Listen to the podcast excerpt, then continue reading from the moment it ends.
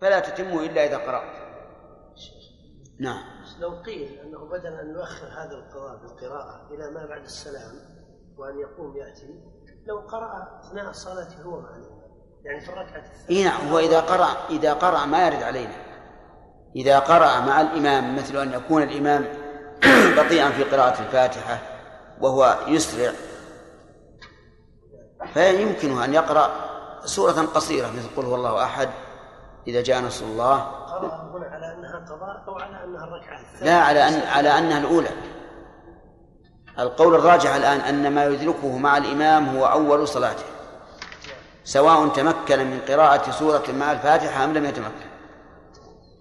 فإن تمكن فالأمر واضح وإن لم يتمكن فإن متابعة الإمام أولى من أن يتم من أن يقرأ سورة بعد ركوع الإمام. نعم. أدرك الإمام على آخر التشهد الثاني. وأحس بدخول جماعة فأن نقول ادخل مع الإمام لعمر أبي هريرة إذا سمعتم الإقامة لعمر الحديث.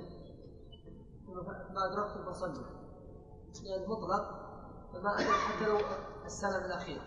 ونقول اسمع الجماعة الثانية. إيش؟ ما فهمت السؤال. أنت جبت أدركه في السجود ثم قلت أدركه في أثناء السلام. شنو الكلام؟ آخر الصلاة يا شيخ. ها؟ في آخر التشهد الثاني. أدرك الإمام في التشهد الأخير. نعم. نعم. هل نقول ادخل مع الإمام؟ نقول ادخل مع الإمام. إلا إذا كان سيدرك جماعة أخرى من أول الصلاة فلا يدخل. متأكد أنه سوف يدرك ها؟ متأكد أنه سوف يدرك يدرك جماعة أخرى. طيب لا يدخل معه. حديث نجيب هذا؟ حديث أبي هريرة محمول على على قوله صلى الله عليه وسلم من أدرك ركعة من الصلاة فقد أدرك الصلاة وهذا في الحقيقة لم يدركها فكونه يأتي بصلاة يتركها من أولها ويترك فضل الجماعة المطلق خير من كونه يدخل مع الإمام في حال لا يدرك لا يدرك الصلاة معه. ما يكون يدرك حتى لو. بلى لكن لكن هل أدرك الجماعة إذا أدرك أقل من ركعة؟ أسألك أسألك لا تقول لكن. لا. إذا لم يدرك الجماعة فهل نقول الإنسان يخير بين أن يدخل مع إمام لا يدرك معه الجماعة وبين أن يصلي مع إمام يدرك معه الجماعة؟ الثاني. طيب هذه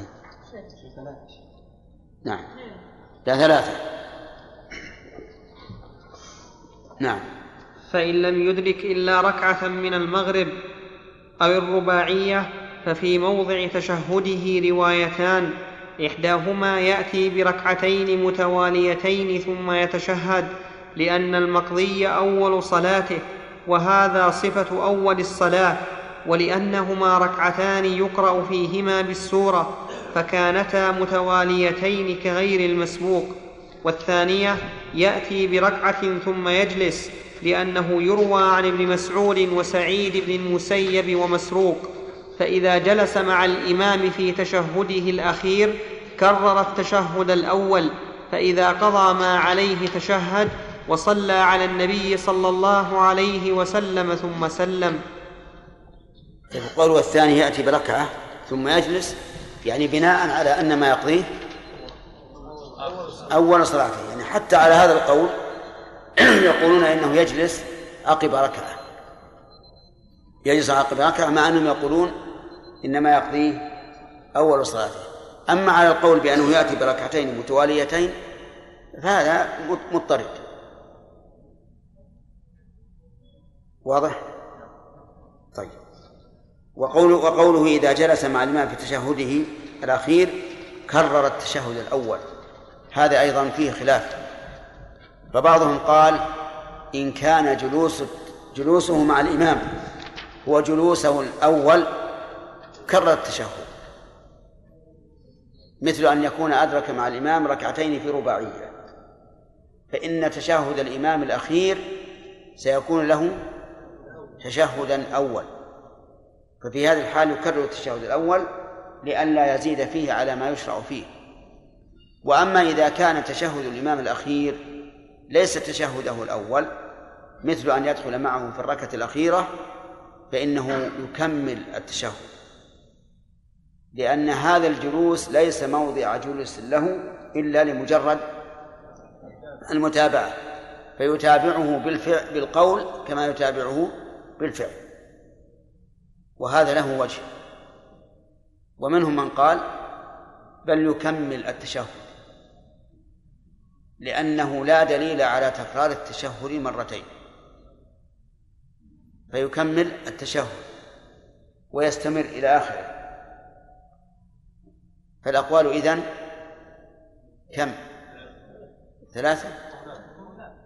فالأقوال إذن قولان ثلاثة ولعل واحدا منكم يقول أربعة. ثلاثة الأقوال. ما ذهب إليه المؤلف وهو أنه يكرر التشهد مطلقا سواء كان ذلك موضع تشهده أو لا. والقول الثاني أنه يكرره إن كان موضع تشهده. والثالث يستمر سواء كان موضع تشهده أو ليس موضع تشهده. ونقول نحن الأمر في هذا واسع. إن كرر فعلى خير وإن استمر فعلى خير. وليس هناك دليل يفصل بين هذه الأقوال الثلاثة. نعم.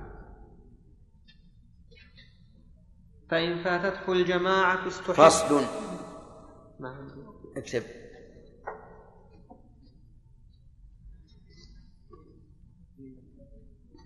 فصل.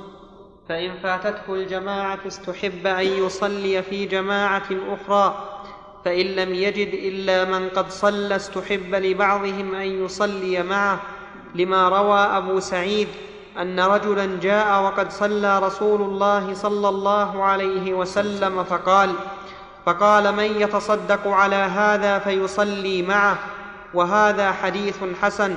ولقول رسول الله صلى الله عليه وسلم صلاة الجماعة تفضل على صلاة الفذ بسبع وعشرين درجة ويجوز ذلك في جميع المساجد إلا أن أحمد كرهه في المسجد الحرام.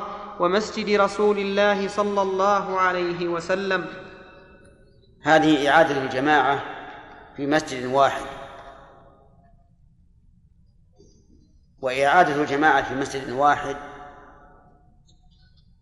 تنقسم إلى ثلاثة أقسام.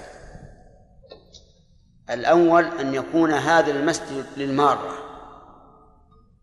فكل من مر صلى. وذلك كالمساجد التي التي تكون في الطرقات. مثل المساجد التي تكون في المحطات محطات البنزين أو غيرها. فإعادة الجماعة فيها غير مكروهة قولا واحدا. لأن هذه للمارة ولا يمكن أن ينتظر الناس بعضهم بعضا. فنقول من جاء كلما جاءت جماعة صلوا. لكن المكروه أن يدخل جماعة وقد شرعت الجماعة الأولى في الصلاة فيصلون وحدهم. كما يوجد هذا في مساجد الطرق وهذا خطأ لأنه يؤدي إلى تقسيم المسلمين. ولكن إذا قالوا نحن ندخل لم نصلي المغرب وهؤلاء يحتمل أنهم يصلون العشاء. قلنا هذا لا يضر لأنهم إذا كانوا يصلون العشاء فهم س...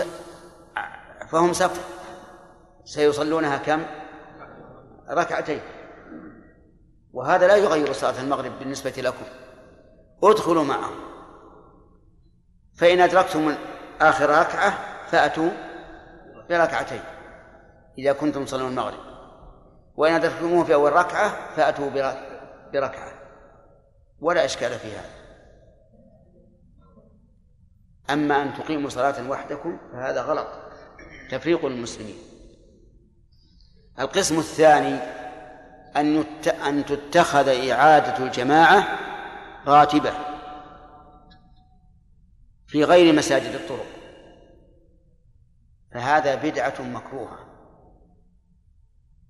بدعة مكروهة. وهذا كان يفعل في المسجد الحرام. قبل أن تستولي عليه الحكومة السعودية. كان المسجد الحرام يصلي فيه أربعة أئمة كل إمام يصلي بمن يتبعونه في مذهبه. فللحنابلة إمام وللشافعية إمام. وللحنفية إمام وللمالكية إمام. فيقال هذا المقام الحنفي هذا المقام المالكي هذا المقام الشافعي هذا المقام الحنبلي. أحيانا ربما يتفقون جميعا. هذا يصلي مع الجهة الجنوبية وهذا مع الجهة الشمالية. ولا شك أن هذا بدعة منكرة وموجبة لتفريق المسلمين. ولهذا كان من حسنات الملك عبد العزيز رحمة الله عليه أن ألغى هذا وقال المسجد مسجد واحد فيكون إمامه واحدا ولا يمكن أن تتعدد الأئمة. هذا لا شك في أنه بدعة منكرة. القسم الثالث أن تكون إعادة الجماعة في هذا المسجد طارئة. تكون طارئة وهذا هو الذي يقع كثيرا. فيأتي جماعة وقد صلى الناس في هذا المسجد وانصرفوا من الصلاة. فهنا نقول كما قال المؤلف رحمه الله إنه يستحب أن يصلي في جماعة أخرى. ودليل ذلك أولا قول النبي صلى الله عليه وعلى آله وسلم صلاة الرجل مع الرجل أزكى من صلاته وحده وصلاته مع الرجلين أزكى من صلاته مع الرجل وما كان أكثر فهو أحب إلى الله وهذا عام. ثانيا أنه دخل رجل والنبي صلى الله عليه وعلى آله وسلم جالس بأصحابه فقال من يتصدق على هذا فيصلي معه. فقام إليه أحد الصحابة وصلى معه. وهذه إقامة جماعة. جماعة بعد جماعة أخرى. ثالثا ما استدل به المؤلف من عموم قوله صلى الله عليه وسلم صلاة الجماعة أفضل من صلاة الفذ بسبع وعشرين درجة. وهذا عام. ولكن هذا الاستدلال بهذا الحديث يقتضي أن فضيلة الجماعة الثانية كفضيلة الجماعة الأولى. أي أنها تكون بسبع وعشرين درجة. وفي هذا عندي نظر. فالظاهر أن الجماعة التي تكون أفضل بسبع وعشرين درجة إنما هي الجماعة الأولى. أما الثانية فلا شك أن الجماعة أفضل من الإفراد من الانفراد ولكن لا تلحق أن تكون سبعا وعشرين درجة. هذا هو الظاهر. هذا وقد بلغنا أن بعض العلماء قال قال إنها لا تعاد الجماعة إلا فيما إذا تصدق أحد عليه. وهذا في الحقيقة من أبعد ما يكون. عن القياس النظري وعن الدليل الأثري.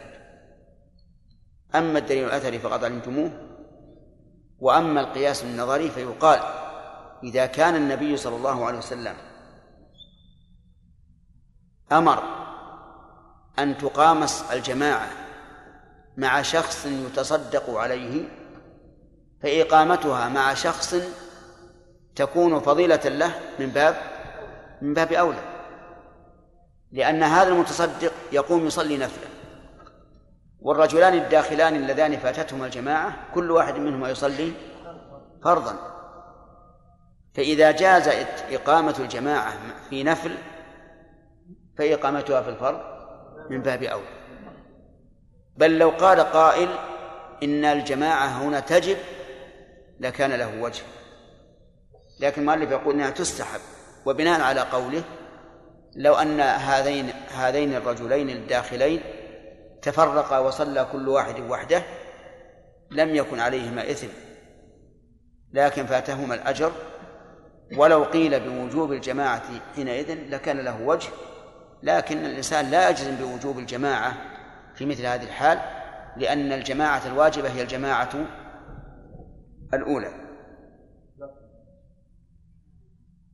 فإن قال قائل إن الذين يقولون لا تعاد الجماعة حتى في هذا الأمر العارض إلا في حال الصدقة استدلوا بأثر روي عن ابن مسعود رضي الله عنه أنه دخل المسجد ومعه أصحابه وقد صلى الناس فانصرف إلى البيت وصلى. فيقال في الجواب عن ذلك إن ابن مسعود رضي الله عنه قد روي عنه أنه دخل المسجد فرآهم قد صلوا فصلى جماعة بأصحابه. هكذا نقله صاحب المغني عنه. فيكون لابن مسعود في ذلك؟ قولان ثانيا أن رجوع ابن مسعود وصلاته في بيته قضية عين. ليست قولا عاما هي قضية عين أي فعل يحتمل. ربما يكون ابن مسعود رضي الله عنه خاف إن أقام الجماعة أن يتهاون الناس بالحضور إلى الجماعة الأولى. لأنه صحابي جليل. فإذا رأوه في هذه الحال اقتدوا به. فخاف أن إذا رآه الناس يصلي جماعة أن يتهاون الناس بحضور الجماعة الأولى. ثانيا أنه رضي الله عنه ربما ذهب إلى بيته ليصلي بجماعة بالجماعة الذين معه خوفا من أن يكون في قلب الإمام إمام المسجد ما ما فيه. قد يكون في قلبه ما فيه. ويفكر لماذا تأخر ابن مسعود حتى فرغت الصلاة وجاء يصلي بأصحابه. وهذا أمر وارد. أمر وارد. لا سيما صحابي ثالثا أننا لا ندري فربما يكون ابن مسعود تذكر أنه ليس على وضوء فذهب يتوضأ. ذهب إلى رجع إلى بيته ليتوضأ منه. وهذا الاحتمال أضعف الاحتمالات. فعلى كل حال نقول إن فعل ابن مسعود رضي الله عنه قضية عين تحتمل وجوها. ثم هي معارضة بما يروى عنه أنه صلى. ثم هي معارضة بما تدل عليه أحاديث الرسول عليه الصلاة والسلام. والمعول على على الأخير على ما دلت عليه السنة. عند الوقت؟ حديث في أحاديث. أي نعم في أحاديث.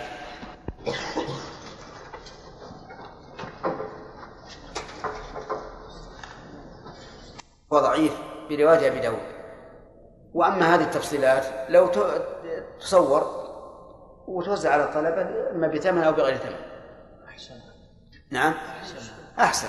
يجب ما ننقطع. وكون بعد نبي نبي نتحرى انه إنهم يكتبون ما, ما, ما قلت معناه يروح علينا وقت كثير. أهم شيء بيان فالذي ارى الذي أرى إنك أنت جزاك الخير عشان بعد تعود إنك تخرج زين. تكتب في أول حديث أول صحيح. صحيح بروايه غير أبي داود. والأكثر في ضعفوه في رواية أبي داود. وتذكر رقم الصحيح في أبي داود علشان يرجع لللفظ بس. شيخ في هذا الحال سناخذ تصحيح أو تضعيفه بينما إذا قرأ عليه. نعم. الان نستمع ونحكم شيء والله أنا عندي ان بتنا على هذه الطريقة يروح علينا الوقت. ونحن الآن لسنا مخرجي حديث. نحن دارسين فقه. الدراسة دراسة فقه. وحنا يكفينا إذا علمنا أن الحديث صحيح أو ضعيف وخالد بيعتمد على أناس حفاظ. إذا رأيتم هذا. وإن كان تقولون متى متى يأتي مثل هذا الحديث المطول؟ نعم. لكن أنا رأيي الأول. ها؟ توافقون على هذا؟ نعم. طيب يا شيخ لكن يعطينا أماكن الصفحات من ال إي نعم يعطينا إياها. لكن إذا كان بيصور ويوزع هذا يكون مرجع لكم. وأقترح عليه أن يكون الكتابة بالحبر الأسود لأنه أحسن في التصوير. الازرق ما ما يظهر جيد. نعم. إيش؟ أنا بيت تعود هو إذا رأى كلام لما امكنه أن يعرف من صحيح ولا ضعيف ولا حسن. طيب قلنا خلاص. باقي شيخ بس. وش باقي؟ باقي حد- حديث أم ورقة. إذن أذن النبي صلى الله عليه وسلم لأم ورقة هذا قلنا أنه يراجع مرة ثانية. نفس الكلام اللي جاء في الأول والثاني. يعني ما تغير؟ باقي حديث آه، شو اسمه؟ حديث أبي داود. إذا أدركتم. ادركتم الصلاه الدرس القادم؟ حديث أبي أوفى. حديث من يتصدق على هذا؟ هذه جت البارحة. هذه اي إيه، ما يمدي. بعد أسبوع. ياكل في الأسبوع الثالث طيب حديث أم ورقة هذا خلاص؟ ها؟ حديث أم ورقة انتهى خلاص؟ يا خلاص. هذا ما جاء بزيادة.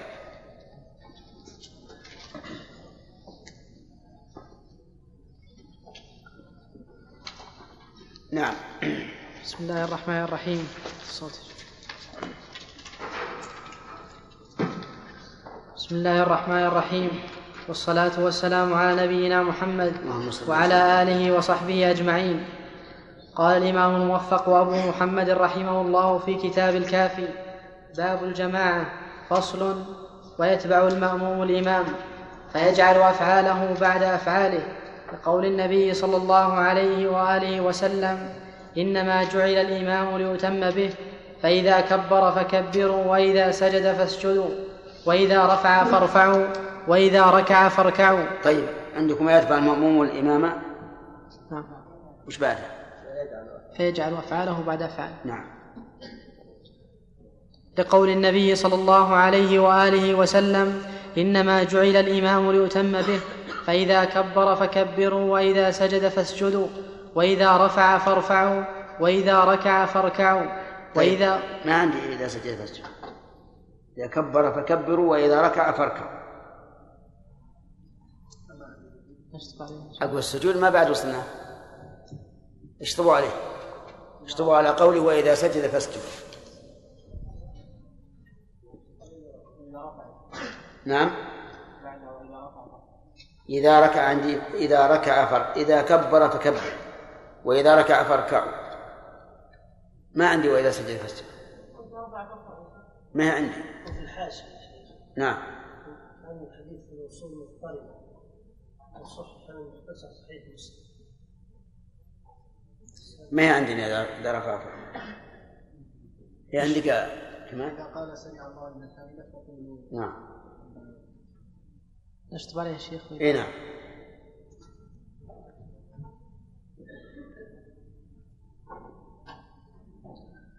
لقول النبي صلى الله عليه وآله وسلم إنما جعل الإمام ليتم به فإذا كبر فكبروا وإذا ركع فاركعوا وإذا قال سمع الله لمن حمده فقولوا ربنا ولك الحمد متفق عليه. والفاء للتعقيب وقال في حديث أبي موسى فإن الإمام يركع قبلكم رواه مسلم. ويرفع قبلكم.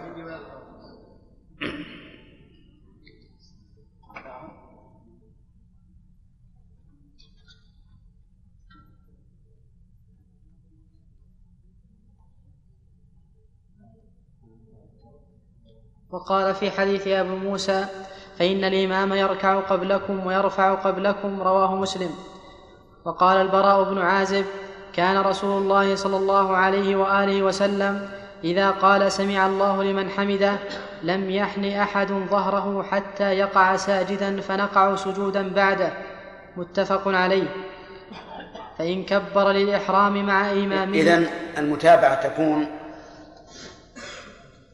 بأمر بأمرين المبادرة وعدم السبق. المبادرة في الاتباع وعدم السبق. ولهذا قال إذا كبر فكبروا. والفاء يقول المؤلف أنها تدل على إيش؟ على التعقيب وعلى هذا فلا فليس من السنة أن يتأخر المأموم عن الإمام حتى وإن كان قد تأخر للدعاء فإن ذلك ليس من السنة نعم فإن كبر للإحرام مع إمامه أو قبله لم يصح لأنه ائتم بمن لم تنعقد صلاته. وإن فعل سائر الأفعال معه كره لمخالفة. إذن موافقته في تكبيرة الإحرام توجب أن لا تنعقد صلاته.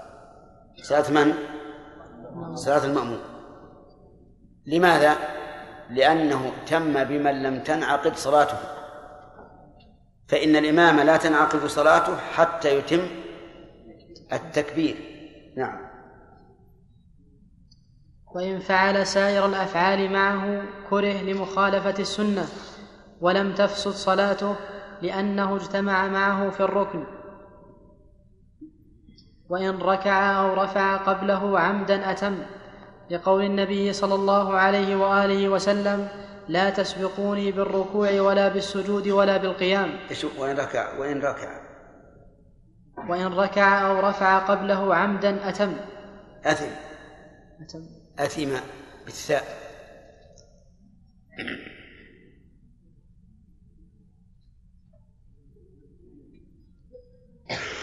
وإن ركع أو رفع قبله عمدا أثم.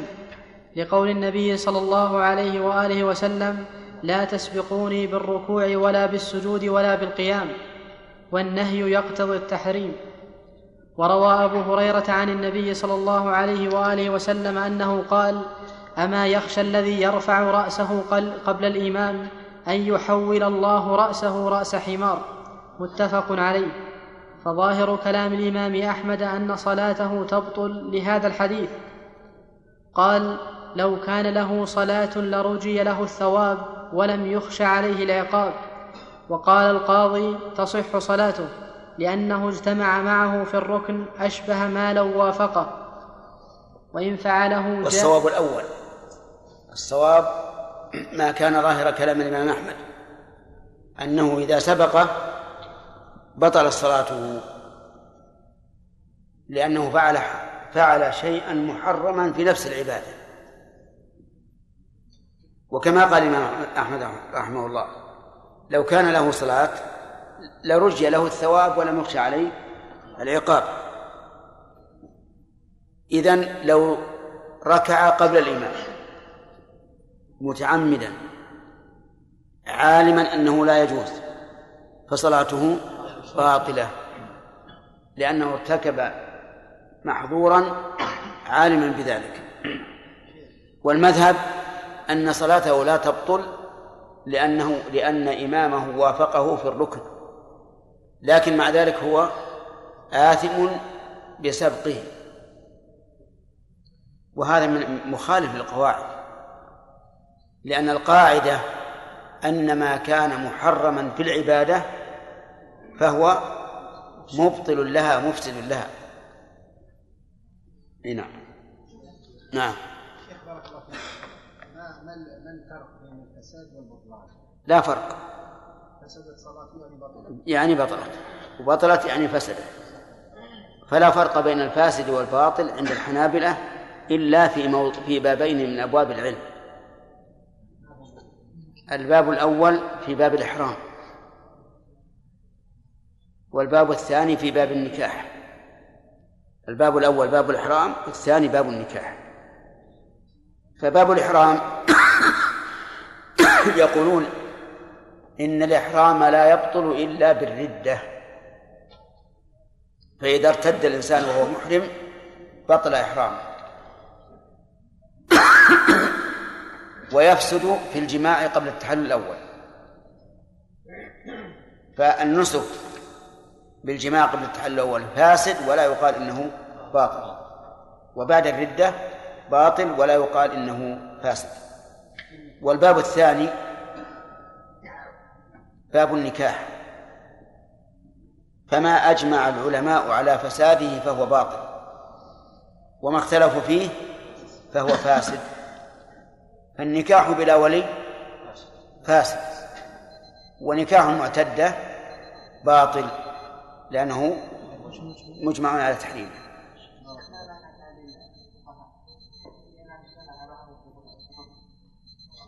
لما ركع قبل الإمام ثم ركع الإمام بعده اجتمعا في الركوع وهو الركن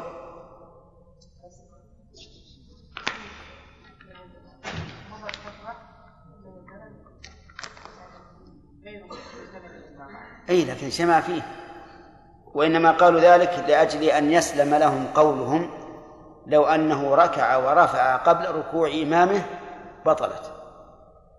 لأنه لم يجتمع معه في الركن. لكن هذا هذا التعليل يا إخواننا عليل. هذا التعليل عليل. لأن التعليل الأول وهو أن هذا الرجل أتى بمحرم في الصلاة فوجب أن تبطل هو الصحيح. نعم. وجه إي نعم. وكذلك علله بأنه يخشى أن يتوانى أن يتوانى الناس عن حضور الإمام الراتب وهذا يقتضي أن أن مراده إذا كان ذلك على سبيل الراتب الإعادة الراتبة. هي الدائمة كما يفعلون فيما سبق. ثلاثة؟ طيب. انتظر يا محجوب وإن فعله جاهلا أو ناسيا فلا بأس وعليه أن يعود ليأتي بذلك معه فإن لم يفعل صحت صلاته لأنه سبق يسير لا يمكن التحرز منه. فإن رفع فإن ركع ورفع قبل أن يركع إمام قبل أن يركع إمام قبل أن يركع إمامه وسجد قبل رفعه عمدا عالما بالتحريم بطلت صلاته لأنه لم يأتم بإمامه في معظم الركعة. وإن كان جاهلا أو ناسيا لم تبطل صلاته للعذر. ولم يعتد ولم يعتد بتلك الركعة لما ذكرنا. طيب انتبهوا لهذا التفصيل. صار الإمام المأموم إذا سبق الإمام إلى الركن. ففي بطلان صلاته؟ ها؟ قولان. والصحيح؟ البطلان. هذا إذا كان عالما ذاكرا. أما إن كان جاهلا أو كان ناسيا أو غافلا أو سمع صوتا ظنه تكبير الإمام فركع. ثم تبين له الأمر فإنه يرجع يجب عليه أن يرجع ليأتي به بعد بعد إمامه. فإن لم يفعل يقول المؤلف إن لم يفعل صح صلاته. إن لم يفعل صح صلاته لأنه جمع معه في الركن. قال وهذا السبق يسير لا يمكن التحرز منه. فقولهم إنه يسير قد يسلم به وقولهم لا يمكن التحرز منه غير مسلم. إذ يمكن التحرز يقال للمأموم انتظر. نعم. هذه هذه واحد. ثم قال فإن ركع ورفع قبل أن يركع إمامه وسجد قبل رفعه. رفع من؟ الإمام عامدا. عالما بتحريم نعم عمدا عالما بتحريمه بطلت صلاته لأنه لم يأتم بإمامه في معظم الركعة. هذا إذا سبقه بركن. بأن ركع ورفع قبل أن يركع الإمام. فهنا سبق إمامه بإيش؟ بركن لأنه أتى بالركوع تاما قبل أن يركع الإمام. يقول المؤلف إنه تبطل صلاته. وإن كان جاهلا أو ناسيا لم تبطل لأنه لم تبطل صلاته للعذر ولم يعتد بتلك بتلك الركعة لما ذكرنا أي لأنه لم يهتم به في معظم الركعة. هذا إذا سبقه بإيش؟ بالركن. فعندنا الآن السبق إلى الركن والسبق بالركن. السبق إلى الركن معناه أن المأموم يصل إلى الركن قبل الإمام لكن يوافقه الإمام فيه يعني الإمام يلحقه. هذا في بطلان صلاته قولان والصحيح البطلان. أما السبق بالركن فمعناه أن المأموم يفرغ من الركن قبل أن يصل إليه الإمام. مثل أن يركع ويرفع قبل إمامه فهذا نقول إنه سبقه بركن. إن كان عالما ذاكرا بطل صلاته بمجرد السبق بالركن. وإن كان جاهلا أو ناسيا لم تبطل صلاته لكن تبطل ركعته. وعللوا ذلك بأن بأنه لم يأتم بإمامه في معظم الركعة حيث إن إمامه ركع حيث إنه ركع ورفع قبل إمامه. أفهمتم الآن؟ طيب. والصحيح أنه لا فرق إذا كان جاهلا أو ناسيا بين أن يسبقه إلى الركن أو يسبقه بالركن فإنه إذا كان جاهلا ثم زال جهله يعود ليأتي بما سبق إمامه به بعد إمامه. مثال ذلك رجل سمع صوتا فظنه الإمام مكبرا للسجود فسجد ثم سمع الصوت مرة أخرى فظنه الإمام رافعا فرفع والإمام لم يسجد بعد. هذا جاهل. كيف نقول إن هذا تبطل صلاته؟ بل نقول لما رفع من السجود ثم سجد الإمام يعود فيسجد بعد إمامه وتكون زيادة زيادة السجدة هنا غير مبطلة للصلاة لأنه معذور. لأنه معذور. ومن هذا ما حدث أخيرا من رفع الصلاة على مكبر الصوت في المنارة. فإن بعض المساجد إذا سمعوا تكبير من حولهم ظنوه إمامهم فركعوا أو سجد بل إن بعض الناس بعض المؤمنين إذا كان قراءة جارهم في المسجد قراءة جيدة مجودة بصوت حسن يمشون مع هذا الإمام ويخلون إمامه. إمامهم ما يدرون ما الذي قرأ. يمشون مع هذا الإمام فإذا فإذا قال ولا الضالين نعم قالوا آمين. وإن كان إمامهم في سورة أخرى. وهذا من مفاسد رفع الصلاة بمكبر الصوت من من فوق المنارة طيب الخلاصة الآن أن العلماء يفرقون بين السبق إلى الركن والسبق بالركن والصواب أنه لا فرق بينهم وأنه متى كان السابق عالما ذاكرا فصلاته باطلة مطلقة.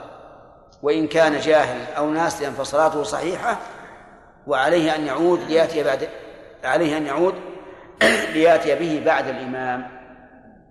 نعم. نعم. سيأتينا في كلام المؤلف. حديث الشيخ. نعم. إيش؟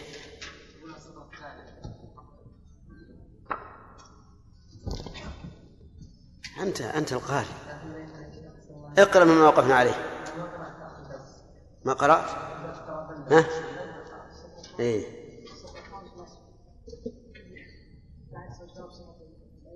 نعم. يعني وتصح إمامة الأعمى؟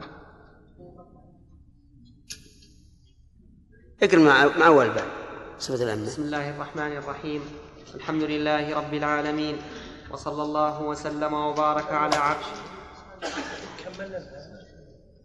باب صفة الأئمة. ها؟ الأول ما كملناه يعني ما وصلنا باب صفة الأئمة. طيب. وصلى الله وسلم وبارك على عبده ورسوله نبينا محمد وعلى آله وصحبه أجمعين. قال الإمام الموفق أبو محمد رحمه الله تعالى في كتاب الصلاة فإن ركع قبله فلما ركع رفع ففي بطلان الصلاة بذلك والاعتداد بالركعة مع جهله ونسيانه وجهان فإن ركع الإمام ورفع قبل ركوع المأموم عمدا بطلت صلاته لتركه المتابعة وإن كان لنوم أو غفلة ونحو ذلك. لم تبطل لأنه سبق يسير ويركع ثم يدركه فإن سبقه بأكثر من ذلك لعذر فإن سبقه بأكثر من ذلك لعذر ففيه وجهان أحدهما يفعله ويلحق كالمزحوم في الجمعة والثاني تبطل الركعة لأنها مفارقة كثيرة. نعم. وهذا يقع كثيرا يغفل الإنسان أو لا يسمع صوت الإمام فيركع الإمام مثلا ويرفع. ولا يحس به إلا وقد قال سمع الله لمن حمده. فماذا يصنع؟ هل هل يلغي الركعة؟ نقول لا يلغيها يركع ويرفع ويتابع الإمام. فإن سبقه بأكثر من ذلك بأن ركع الإمام ورفع وسجد وذلك غافل. ففي متابعته قولان وجهان. الوجه الأول أنه يأتي بما سبقه به الإمام ثم يتابع. والثاني تبطل هذه الركعة. وليس هناك دليل ولكن هناك تعليل. يقول لأنه إذا تخلف عن الإمام بركوع فإنه تخلف يسير.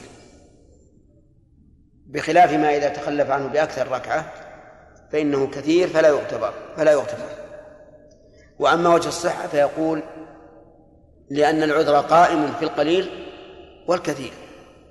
ما دمنا عذرناه بالتخلف القليل ولو كان بركن هام كالركوع فلنعذره بالتخلف الكثير. وهذا هو الصحيح. إلا إذا وصل الإمام إلى مكانه. فإنه هنا لا يتوجه أن أن يقضي ما فاته. بل تلغو الركعة الأولى للمأموم ويكون له ركعة ملفقة. عرفتم؟ أو عرفتم هذا؟ نعم. تخلف عن الإمام. فركع الإمام ورفع وسجد ورفع وقام يقرأ فأحس به حين قام يقرأ في الركعة الثانية. فالآن تخلف عنه بركعة كاملة. هنا لا نقول إنك تقضي ما فاتك لما في ذلك من الخلل الكبير. بل نقول ابقى على ما أنت عليه وتكون لك ركعة ملفقة. معنى ملفقة؟ أنها ملفقة من الركعة الأولى للإمام والركعة الثانية. فإذا سلم الإمام فأتي بركعة. ائت بهذه الركعة التي فاتت. أما إذا كان الإمام لم يصل إلى مكانك فإنك تتابع فإنك تأتي بما تخلفت به وتتابعه. نعم. وهذا هو الصحيح. صحيح أنك تأتي بما تخلفت به عنه.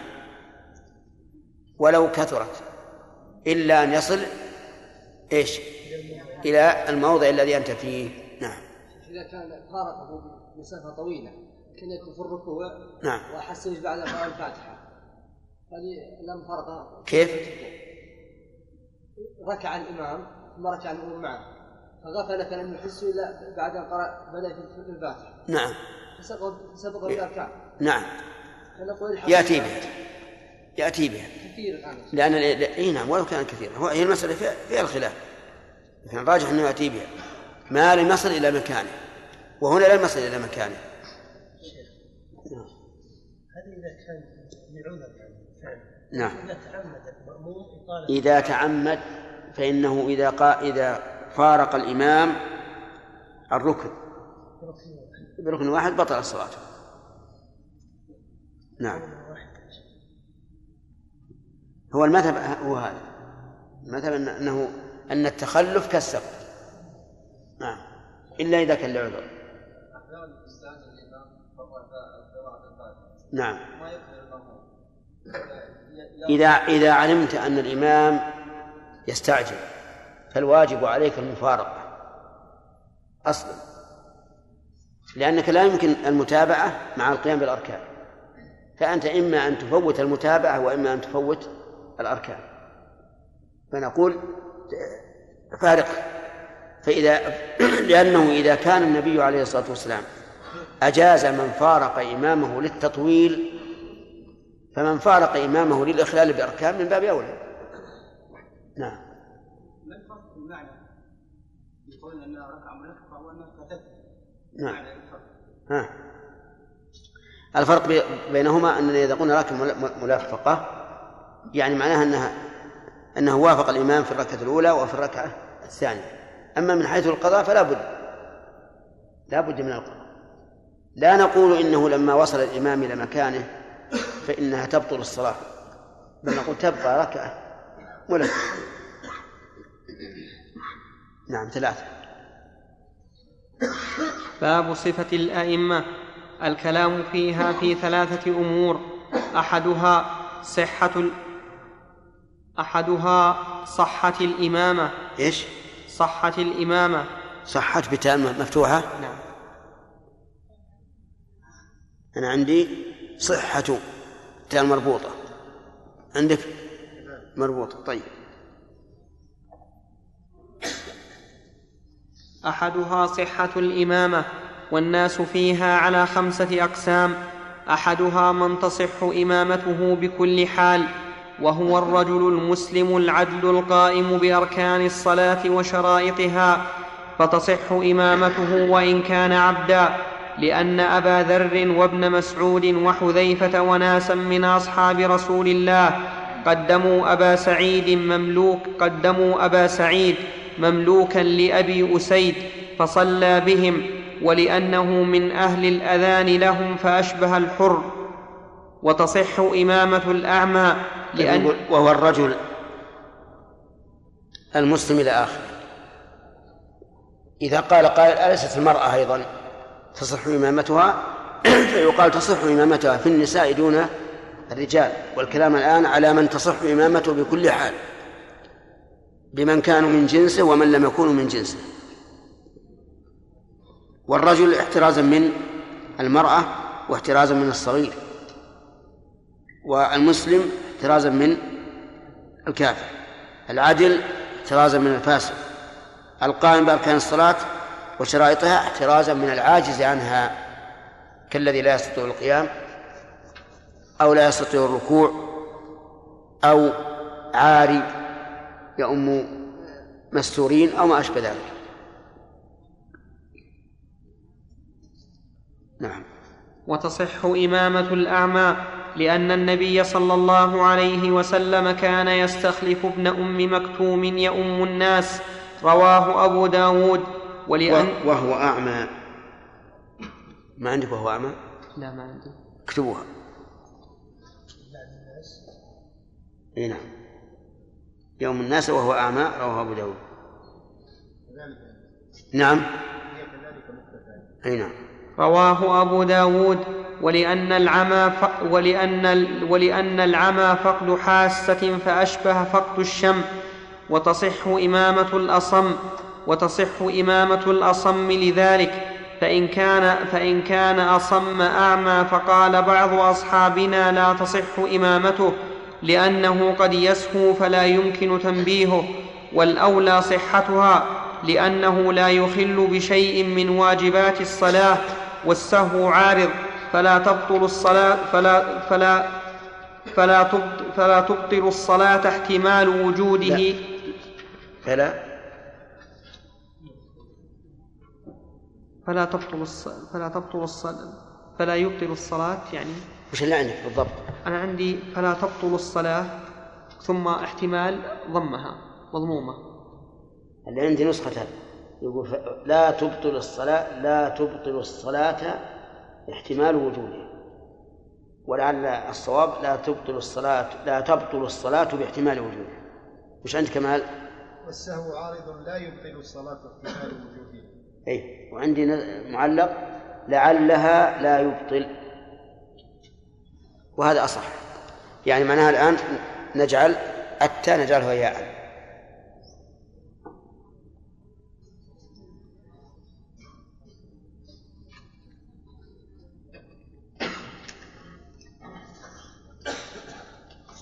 فلا يبطل الصلاة احتمال وجوده كالجهل بحكم السجود. وتصح إما وتصح إمامة ولد الزنا. وهذا هو الصحيح. أن الإنسان الأصم الأعمى تصح إمامته. لكن لا شك أنه إذا كان سميعا بصيرا فهو أولى. نعم. وتصح إمامة ولد الزنا والجندي والخصي والأعرابي إذا سلموا في دينهم لدخولهم تحت عموم قول النبي صلى الله عليه وسلم يؤم القوم أقرأهم وتصح إمامة المتعين أنا عندي لدخولهم في عموم. نسخة اجعلوها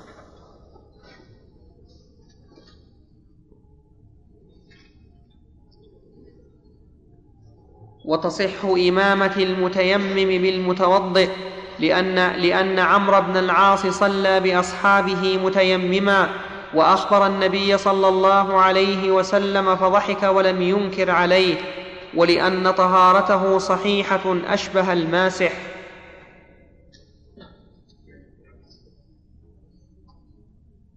نعم واضح.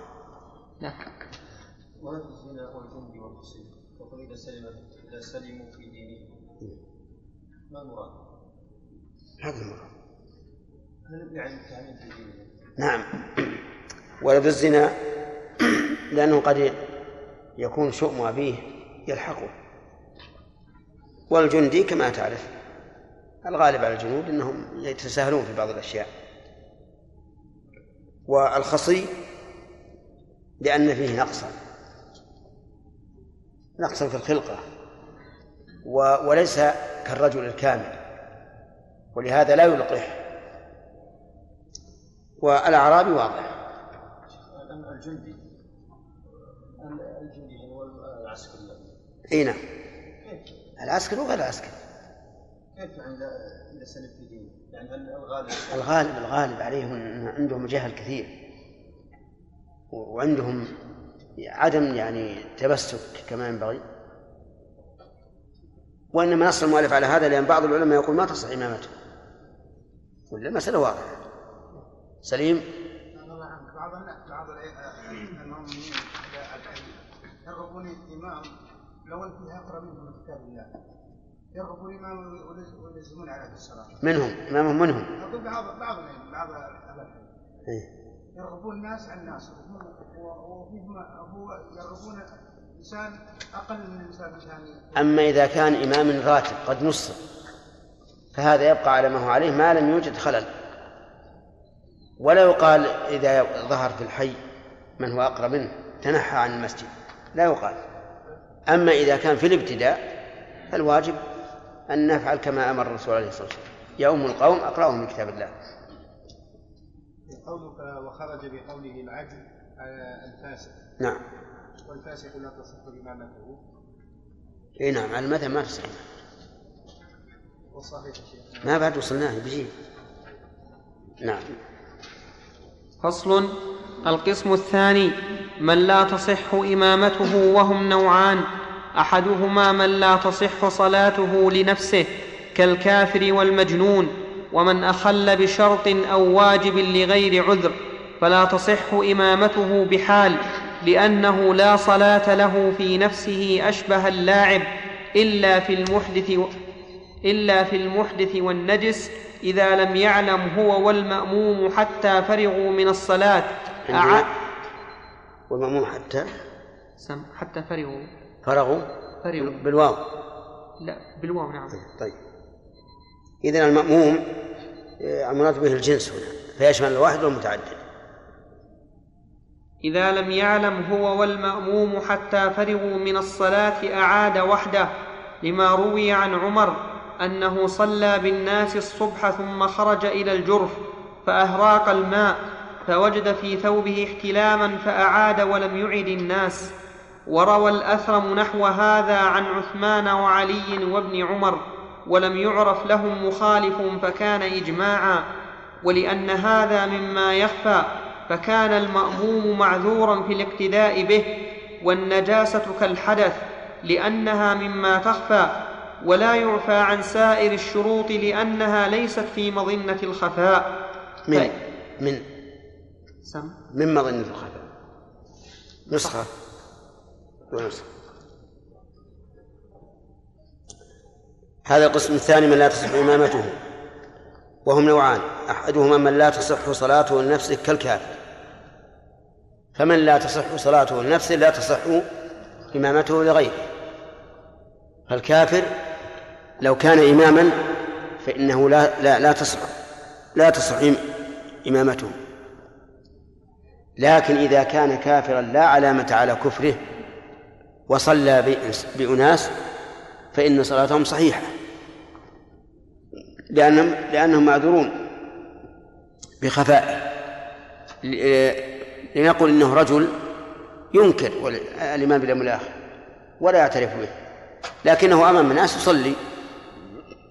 فهذا لا تصح إمامته لمن كان عالما بحاله. وأما من كان جاهلا فإنه معذور تصح. وظاهر كلام المؤلف أنها لا تصح مطلقا وأنه متى علم أنه كافر وجبت عليه الإعادة. وفي هذا نظر. الصواب أن الجاهل بحال الإمام ليس عليه شيء. كذلك المجنون. كيف مجنون؟ هل أحد يريد أن يقدم شخصا مجنونا؟ نقول نعم ربما يكون مجنون مجنونا لكنه لا يظهر جنونه لكل أحد. ولكن علمنا بعد أن شرع في الصلاة أنه مجنون. فهذا ظاهر كلام المؤلف أن إمامته لا تصح بحال. والصحيح أنه أن من جهل حاله صحت صلاته خلفه.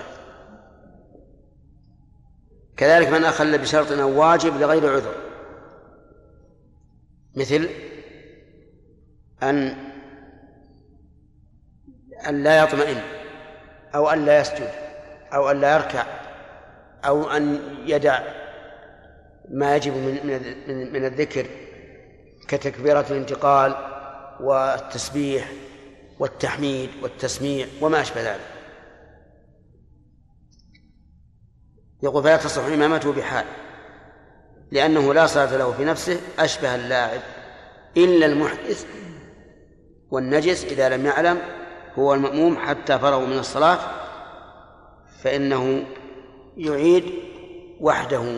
وأما المأموم فلا. وظاهر كلام المؤلف رحمه الله أنه لو علم المحدث بحدثه في أثناء الصلاة وجب عليه إيش؟ وجب عليه الإعادة ووجب على المأمومين معه. وهذا هو المذهب والصحيح خلاف ذلك وأنه إذا كان المأموم لا يعلم بحدث إمامه فاتمامه به صحيح سواء علم الإمام في أثناء الصلاة أو لم يعلم إلا بعد فراغها لأن العلة واحدة وهي جهل من؟ جهل المأموم بحال الإمام ويدل لذلك أن النبي صلى الله عليه وعلى آله وسلم أتاه جبريل في أثناء الصلاة وأخبره أن في عليه قدرا فخلعهما واستمر في صلاته. كلام المؤلف أنه لو علم بالنجاسة في أثناء الصلاة بطل صلاته وبطل الصلاة صلاة المأمومين المأمومين معه. والصواب في مسألة النجاسة أنها لا تبطل صلاته إذا أمكنه التخلي عنها. كما لو كانت في غترته نجاسة. فهنا يمكن أن يتخلى عنها ويمضي في صلاته أو في نعليه فإنه يمكن أن يتخلى ويمضي في صلاته. والقاعدة الآن أنه متى كانت صلاة الإمام باطلة على وجه لا يعلم بها المأموم فإن صلاة المأموم صحيحة سواء كان ذلك عن عن حدث أو عن نجاسة أو عن فسق لم نعلم به أو عن كفر لم لم نعلم به أو كان يركع ويسجد بدون ذكر وبدون قول. المهم أن أن المأموم معذور بعدم العلم. فالصواب أن صلاته صحيحة. نعم. طيب. انتهى الوقت أظن.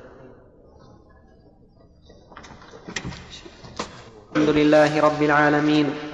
وصلى الله وسلم وبارك على عبده ورسوله نبينا محمد وعلى آله وصحبه أجمعين. قال الإمام الموفق أبو محمد رحمه الله تعالى في كتاب الكافي في كتاب الصلاة ولا يعفى عن سائر الشروط لأنها ليست من مظنة الخفاء فإن علم الإمام والمأموم ذلك في أثناء الصلاة لزمهم الاستئناف وحكي عنه في المأموم أنه يبني على ما مضى أنه يبني على ما مضى لو سبق الإمام الحدث والمذهب الأول. لأن ما مضى بني على غير طهارة بخلاف من سبقه الحدث. وإن علم بعض المأمومين دون بعض فالمنصوص أنهم يعيدون جميعا لعدم المشقة فيه. ويحتمل أن تختص الإعادة بمن علم لأنه اختص بالعلم المبطل فاختص بالبطلان كما لو أحدث. الصواب أنهم إذا لم يعلموا فإن صلاتهم صحيحة وأنه إذا علم الإمام في أثناء الصلاة انصرف وأمر من يتم بهم الصلاة. لأن لأن المأمومين معذورون. وقد قال الله تبارك وتعالى فاتقوا الله ما استطعتم. ولو قلنا بعدم العذر للزم من ذلك أنه كلما تقدم إمام يقول المأموم له هل أنت على طهارة؟ هل ثيابك طاهرة؟ لئلا يقعوا في الحرج فيما لو تبين أنه محدث أو أن في ثوبه نجاسة فالصواب أن المأمومين إذا لم يعلموا فإنه لا إعادة عليهم سواء علم الإمام في أثناء الصلاة أو لم يعلم إلا بعد انتهائها نعم. النوع الثاني الفاسق إما بالأفعال أو ببدعة لا تكفره ففي إمامته روايتان. إحداهما تصح لقول النبي صلى الله عليه وسلم لأبي ذر كيف أنت إذا كانت عليك أمراء يميتون الصلاة عن أوقاتها؟ قال قلت فما تأمرني؟ قال صل الصلاة لوقتها فإن أدركتها معهم فصل فإنها لك نافلة من المسند. وكان ابن عمر يصلي وراء الحجاج والحسن والحسين والحسن والحسين يصليان وراء مروان.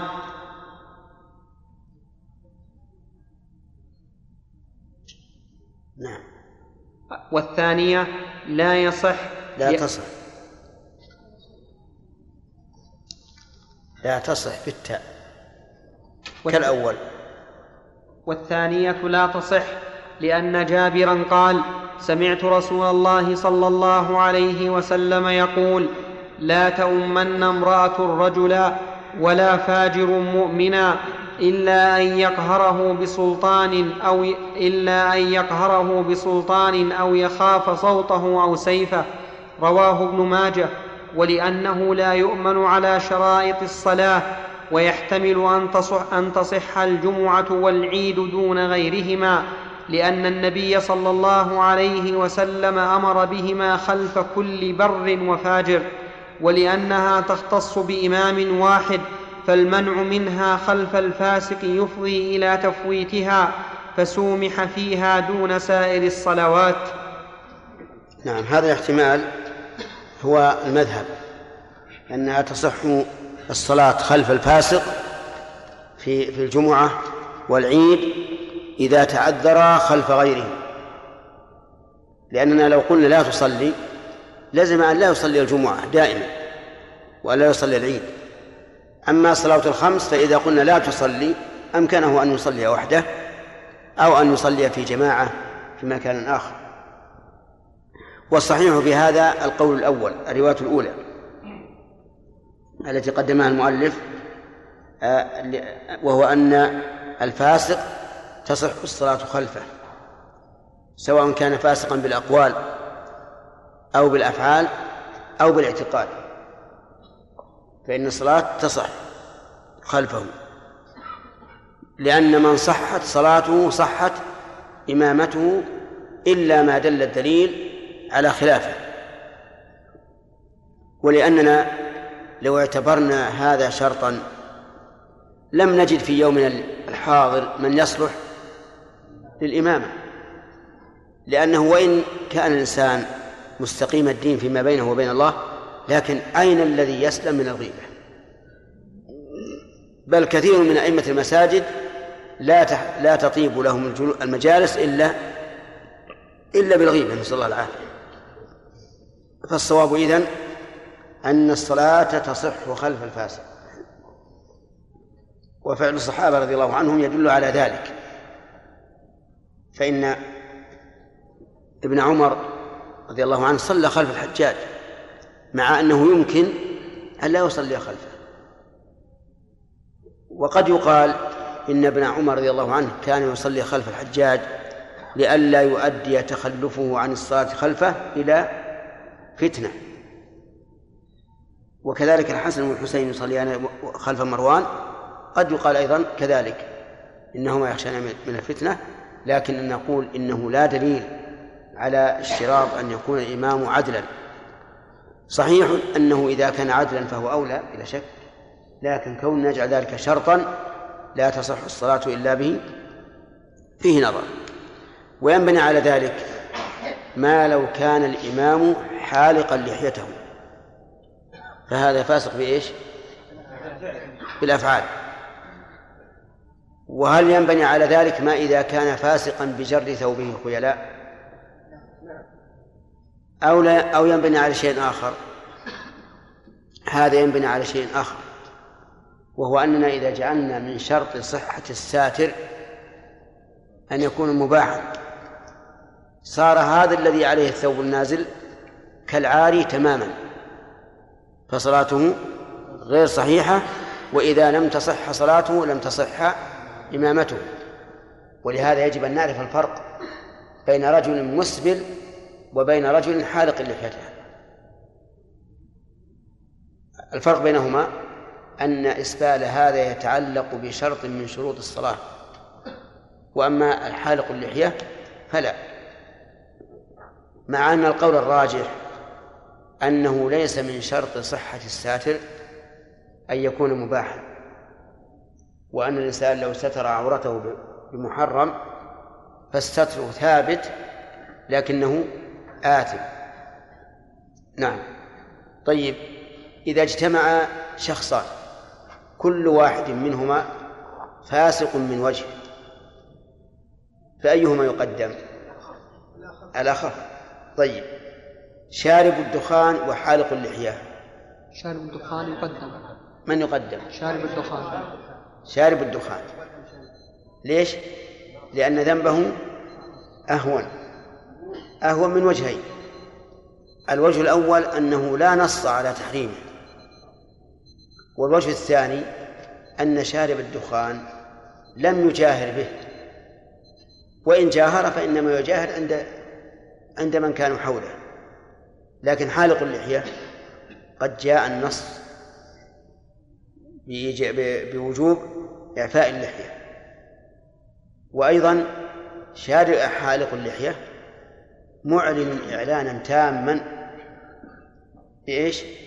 بالمخالفة والمعصية فهو من المجاهرين والعياذ بالله. طيب أيما أولى شارب الدخان أو المغتاب؟ شارب الدخان. شارب الدخان. شارب الدخان. نعم. شارب الدخان أولى من ال... من الذي يغتاب. نعم. نعم. لأن لأن الغيبة كبيرة. الغيبة كبيرة. وشرب الدخان صغيرة لا يكون كبيرة إلا بالإصرار. وعلى هذا فإذا اجتمع شخص معروف بالغيبة وأكل لحوم الناس وآخر شارب للدخان أيهما الإمام؟ شارب الدخان. شارب الدخان. مع أن هذا عند العامة شيء كبير. طيب اجتمع شارب دخان وشارب خمر. شارب الدخان. أيهما أولى؟ شارب الدخان أولى بالإمامة. لأن شرب الدخان أهون من شرب الخمر. نعم. اي ما أحتاج تحتاج إلى مناقشة لأن الخبائث ما ما معناها يأتي إنسان يقول البصل حرام. البصل حرام. إذا هو محرم من أجل إنه ضار. لكنه لكنه ليس منصوصا عليه بعينه. ولهذا ولهذا اختلف فيه العلماء أول ما ظهر أول ما ظهر اختلف فيه العلماء. لكن الآن تبين لأهل العلم المنصفين أنه حرام لأن الأطباء أجمعوا على ضرره وفي هذا الأسبوع الذي انصرم اليوم العالمي لبيان مضار شرب الدخان. ذكروا أشياء عجيبة أرقام قياسية بالنسبة للذين يهلكون به في الدول الغربية. وذكروا أيضا أن أن بعض الدول الغربية تحارب محاربة عظيمة. نعم. بس ما أمكننا أن نتتبع ما, ما ذكروه في ذلك اليوم. يقولون يا شيخ سبعة مليون يموت من العالم الثالث. إيش؟ يقولون سبعة مليون سنويا يموتون من العالم الثالث. وعشرة وثلاثة ملايين من العالم المتقدم. عجيب. أي نعم. سبعة ملايين منها متخلفين مساكين العالم الثالث. الدول النامية. إيه هذه هذا المساكين. تؤخذ دراهمهم وهم فقراء. ثم يقول جاء عند أحمد الشيخ نهى عن كل نعم. هذا هذا يش... على كل حال يحتاج إلى مناقشة أكثر من هذا يا أخي نعم. إذا أردنا أن ندعو مجموعة من العوام وهم يشربون الدخان والشيشة ونسأل الله العفو والعافية. فنبدأ بتوحيد الشيخ والأشياء المهمة ونترك الدخان المطلق. إيه. على قول الآن الشيخ هذه ينبغي على كل حال الدعوة للتوحيد قبل كل شيء. نعم. لأن الرسول عليه الصلاة والسلام لما بعث معاذ إلى اليمن قال فليكن أول ما تدعوهم إليه شهادة لا, لا, لا إله إلا الله وأن محمدا رسول الله. لكن إذا كان دعوتنا إليهم للاسهل بالأسهل سببا لقبولهم للأعلى فلا مانع وهذا يكون من باب الوسيلة كما لو أعطيناهم دراهم للتأليف على الإسلام. مثلا لنفرض أن اناسا يعني يعظمون القبور على وجه الغلو. فهل مثلا نحدثهم أول ما نحدثهم عن ذلك أو نحدثهم أولا بما يجب في الطهارة والصلاة والأشياء التي يعني تلين قلوبهم لها؟ ثم بعد ذلك إذا قبلوا منا وأقبلوا علينا نهيناهم عن هذا. على كل ينظر ينظر في هذا الم- المصلحة. وإلا فالأصل أن الدعوة للتوحيد قبل كل شيء. يعني الشيخ يبدأ الداعي يبدأ الشيخ يقول مثلا تأليف وتكليف. أنت لو كلفته الأول ما يقبل من على كل حال على كل حال ينظر المصلحة ولا في الأصل أن التوحيد قبل كل شيء. معين قال الإمام الموفق أبو محمد رحمه الله تعالى في كتاب الكافي في كتاب الصلاة فصل القسم الثالث من تصح إمامته بمثله ولا تصح بغيره وهم ثلاثة أنواع أحده أحدهما سبق لنا أن القول الراجح صحة إمامة الفاسق أليس كذلك؟ إلا إذا كان الفسق يتعلق بشرط من شروط الصلاة كالإسبال مثلا عند من يرى أن أن الإسبال مبطل للصلاة. فهنا لا تصح إما- لا لا يصح الائتمام به لأنه سوف يأتم بمن يرى أنه أن صلاته باطلة وهذا لا لا يستقيم. نعم. القسم الثالث؟ فصل. القسم الثالث من تصح إمامته بمثله ولا تصح بغيره وهم ثلاثة أنواع. أحدها المرأة يجوز أن تؤم النساء لما تقدم. و نعم. ولا يجوز أن تؤم رجلا ولا خنثا مشكلا في فرض ولا صلاة نفل لقوله عليه. ولا نفل. نعم. ها؟ ولا صلاة في فرض ولا نفل. نشطبها. لا حطها بين قوسين تكون نسخة. ولا يجوز أن تؤم رجلا ولا خنثا مشكلا في فرض ولا نفل لقوله عليه السلام لا تؤمن امرأة رجلا ولأنها لا تؤذن للرجال فلم يجز لها أن تؤمهم كالمجنون. أما الأول لا تؤمن امرأة رجلا ففي صحته نظر. وأما الثاني لكونها لا تؤذن للرجال فإنها هذه علة طردية. ما هي علة معنوية؟ كون ما تؤذن للرجال نقول لا تؤمهم. إذا إذا ممكن أن نقول إذا كان لا تؤذن للرجال أيضا لا تكلمهم. هذا فهذا لا يصح التعليل به. لكن يمكن أن يصح التعليل بقول النبي صلى الله عليه وعلى آله وسلم لن يفلح قوم ولوا أمرهم امرأة. وكوننا نعطيها القيادة في صلاتنا هذا تولي تولية أمر. ثم إن كونها إماما فيه مفسدة وهي الفتنة العظمى. لا سيما إن كانت شابة وكان صوتها رقيقا وكان الذين وراءها شبابا فحدث ولا حرج. نعم. فالحاصل أن العلة هي الحديث العموم. لن يفلح قوم ولوا أمرهم امرأة والفتنة. والفتنة في الحقيقة غير منضبطة. يعني لو قال قائل أبطلوا إمامة المرأة فيما إذا كانت شابة حسنة الصوت حسنة الأداء والذين وراءها شباب أبطلوها لا بأس. لكن إذا كانت عجوزا والذين وراءها شيوخ. نعم. وقراءتها مكسرة وصوتها ردي ما في ما في فتنة. لكن يقال الفتنة لا تنضبط. وكما قيل لكل ساقطة لاقطة. فإغلاق الباب هو الأولى.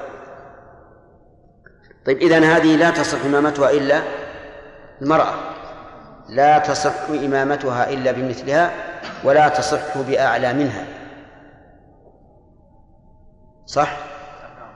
ولا تصح بأعلى منها. من مثل من؟ نعم.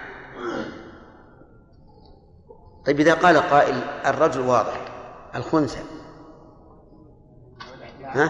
لاحتمال أن يكون أن يكون رجلا تمام. والخنثى أظن معروف يا كمال. وليس كالجمار؟ نعم. من هو؟ والذي لم يظهر خلقه هل هو ذكر أو إما لا بماذا يخفى علينا أنه ذكر أو أو, أو أنثى؟ لأن يكون له آلتان مثلا. نعم. آلتان لم تتميز إحداهما ب- عن الأخرى. هذه واحدة. أو أو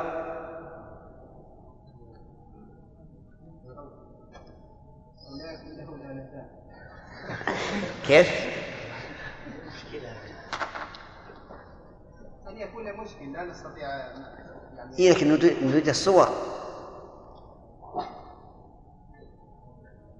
سليم؟ ها. الإنسان لا لا يتميز بشيء. لا لا يتميز. بالنور لا يتميز بالذكور كيف؟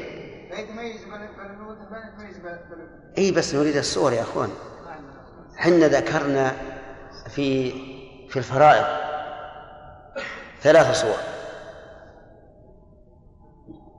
تذكرونها؟ هذه صورة. في صورة أخرى يقول الموفق رحمه الله في المغني إنه ذكر في الشام رجل ليس له إلا ثقب بين بين مخرج السبيلين ثقب واحد يخرج منه البول والغائط. جميع جميعا. ورجل آخر ليس له آلة ذكر ولا فرج أنثى وإنما فيه شيء كال- كالورم. يخرج منه البول رشحا كالعرق. والثالث ليس له شيء يخرج منه. الف- الفضلات من الأسفل وإنما يخرج من فوق. إذا أكل الطعام وبقي في معدته ما شاء الله تقيأه. فهذه ثلاث صور. الصورة الرابعة هي ما أشار إليها الأخ كمال أن يكون له آلتان لا تتميز إحداهما عن الأخرى بأن يبول منهما جميعا. وأما إذا كان يبول من أحدهما فهو واضح إما ذكر أو أنثى. لكن والحمد لله هو قليل بالنسبة بالنسبة للآدميين. كثير بالنسبة للبهائم ولا سيما المعز فإنه يكثر فيها الخنثى. وقد ورد سؤال من بعض الناس يسأل عن التضحية بالخنثى. هل تجوز أو لا تجوز؟ فما فما الجواب؟ لا تجوز؟ طيب. ها؟ لكن هل هل تجوز أو لا؟ أي نعم. لأنها مجزئه على كل احتمال. إن كانت ذكرا فهي مجزئه وإن كانت أنثى فهي مجزئة. أي نعم بارك الله فيكم لو ظهر على الرجل كل علامات ال- من الناحيه الجسديه لكن من الناحيه ال- التخلف صح المعنى كامل هم يرون العبرة بمخرج السبيلين. نعم. الثاني نعم ما تصح. لأن الذكورة أعلى من الأنوثة. نعم.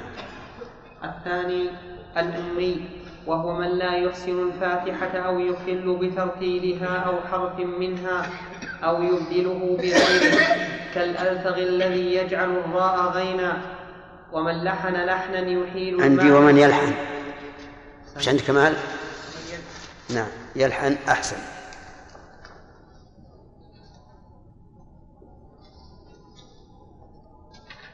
ومن يلحن لحنا يحيل المعنى مثل أن يضم تاء أنعمت أو يكسر كاف إياك أو يخل بتشديده فإن الشدة لا. بشدة عندي. وأما عندكم يمكن تصحيحه بأن يقول بتشديدة. أو يخل بتشديدة فإن الشدة مقام حرف بد... هم؟ من الكلمة بالتاء هم؟ مثلا بالتاء كلها وش؟ لا يخل يخل. بالياء. فإن الشدة مقام حرف قامت. فإن الشدة قامت. عندكم مقام؟ ما فيها قامت؟ صح.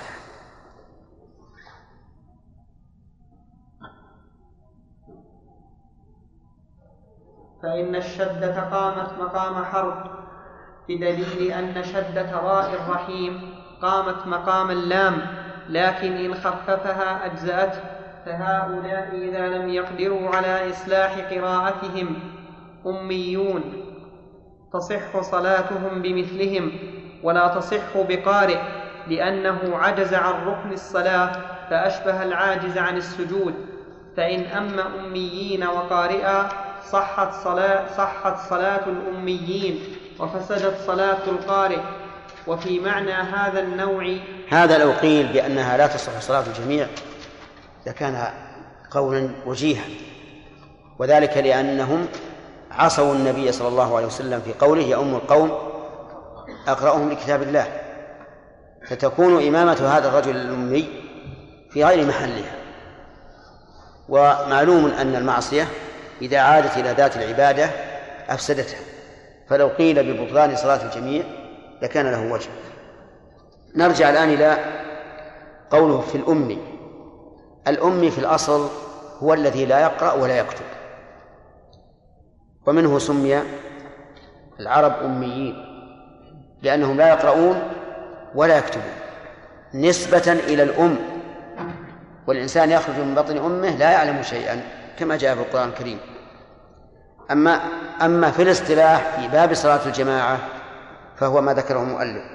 هو الذي يقول من لا يحسن من لا يحسن الفاتحة. كذا عندكم؟ وش بعده؟ أو ولا ويخل إيه. أو يخل بترتيبها. لا بترتيبها. اي نعم.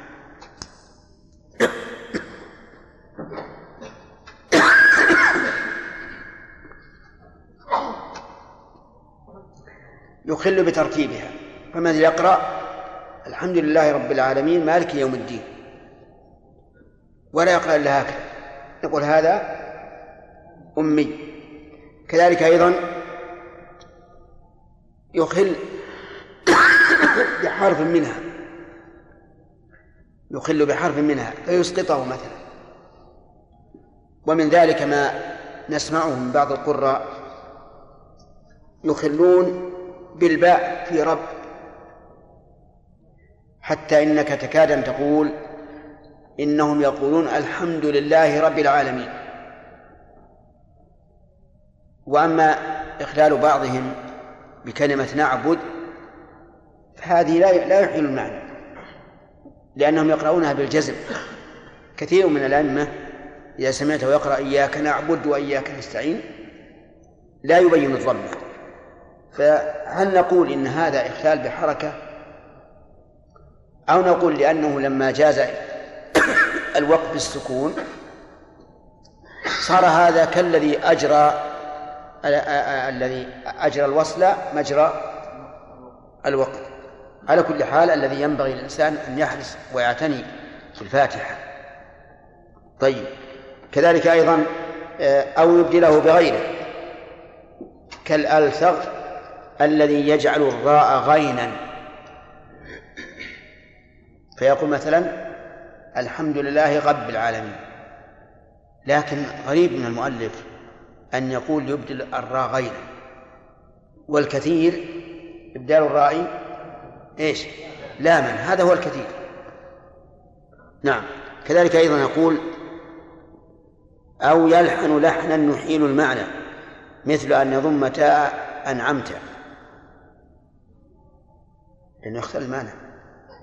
إذا قال صراط الذين أنعمت عليهم من يكون المنعم؟ القارئ. والمنعم هو الله عز وجل. أو يكسر كاف إياك. وهذا أطم وأعظم. الكاف للخطاب. وهو يخاطب من؟ يخاطب الله.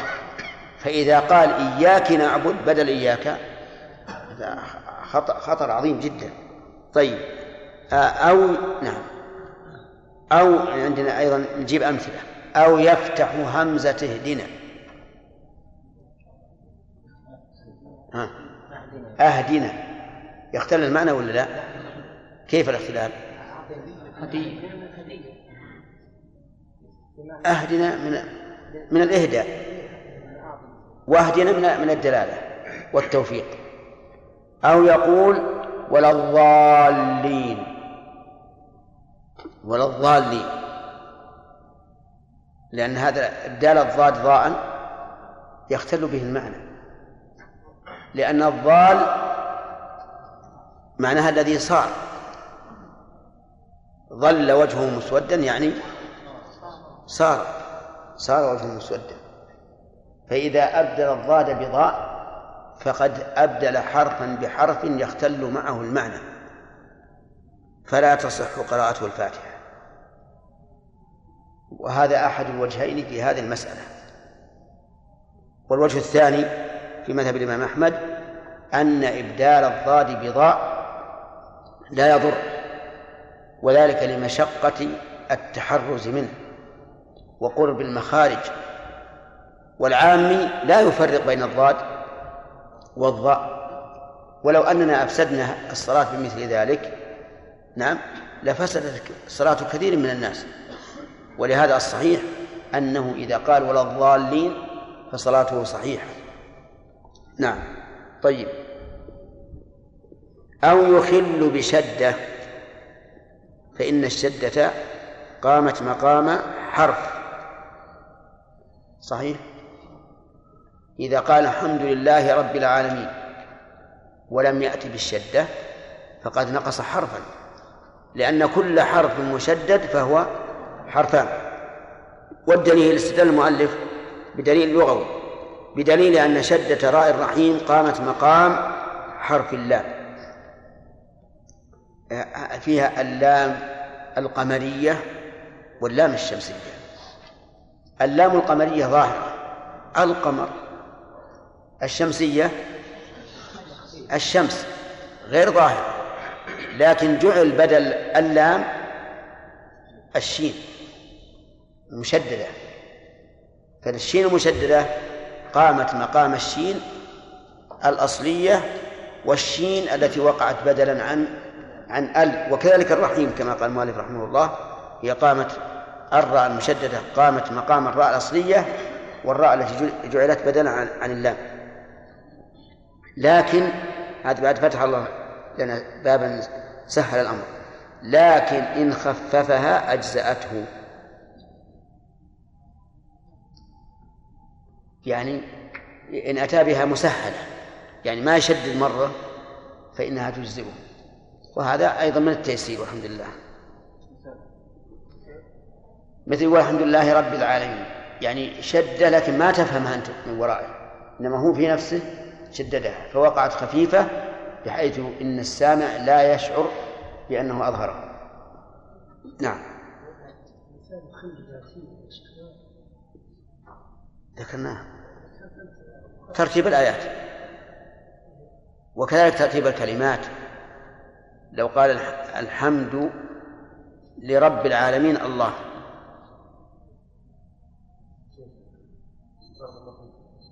قلت شيخ اذا الإمام خلف الصلاة يعني اسرع في الركوع والسجود فان الماموم الماموم ان ينفرد فإذا انفرد الشيخ له أجر الجماعه اي نعم. لأنه معذور. كان الإمام راتب. المسألة في قلنا لو قيل أنها تفضل عن الجميع لكان اولى إذا كان راتب ولا يحسن هذا ما